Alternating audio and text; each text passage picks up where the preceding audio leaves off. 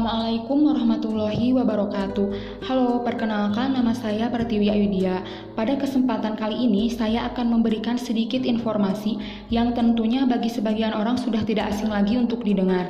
Tapi mungkin masih ada sebagian dari kita yang masih belum mengetahui apa sih bimbingan konseling Islam itu. Oke, kita langsung bahas bersama saja ya. Jadi, bimbingan konseling Islam itu terdiri dari tiga kata. Ada kata bimbingan, konseling, dan Islam. Untuk yang pertama adalah kata bimbingan. Apa sih bimbingan itu?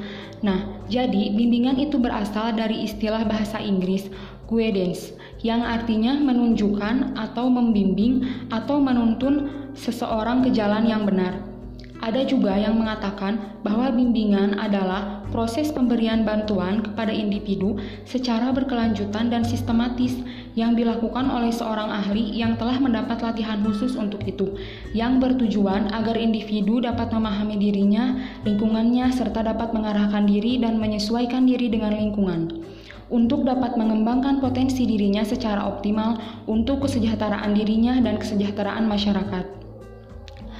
Lalu yang kedua, apa sih konseling itu?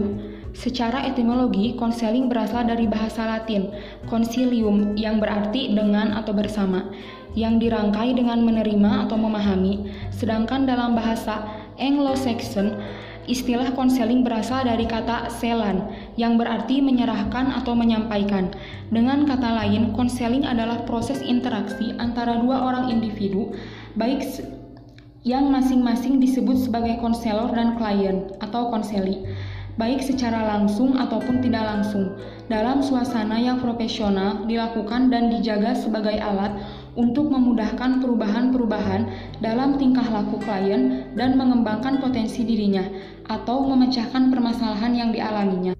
Dan yang terakhir ada kata Islam. Islam berarti ajaran-ajaran agama Islam yang menyimpan hazanah-hazanah berharga yang dapat digunakan untuk menyelesaikan problem kehidupan manusia.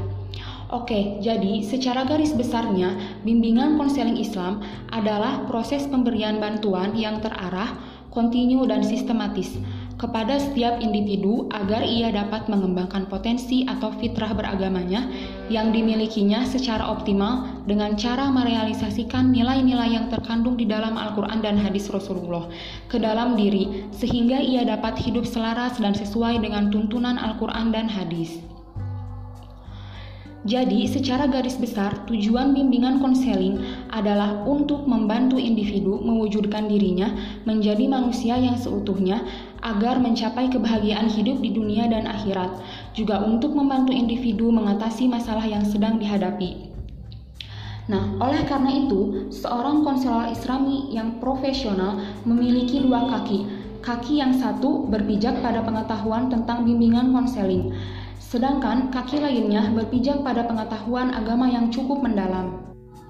Nah, buat teman-teman yang kuliah di jurusan bimbingan dan konseling Islam, nantinya bisa jadi apa sih? Karena mungkin bagi sebagian orang bimbingan konseling Islam, bimbingan konseling Islam itu masih aneh untuk didengar.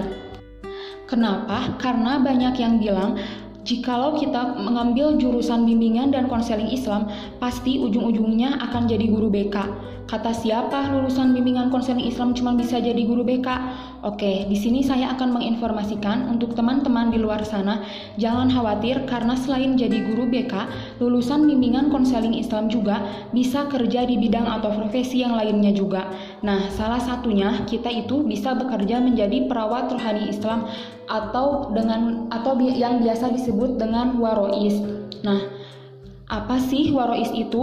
Oke, Perawat dapat didefinisikan sebagai seseorang yang telah dipersiapkan melalui pendidikan untuk turut serta merawat dan mengembangkan merawat dan menyembuhkan orang yang sakit. Nah, yang dimaksud warois di sini adalah seorang pembimbing yang telah dipersiapkan melalui pendidikan untuk turut serta merawat dalam proses pemulihan, pengurusan, dan penjagaan aktivitas ruhaniah insaniah agar tetap berada dalam situasi dan kondisi yang fitrah. Dan masih banyak lagi profesi yang dapat kita jalani sebagai lulusan dari jurusan bimbingan dan konseling Islam. E, seperti contohnya kita bisa menjadi penyuluh keluarga berencana, penyuluh agama, penyuluh sosial, penyuluh, narko, penyuluh narkoba, dan masih banyak yang lainnya.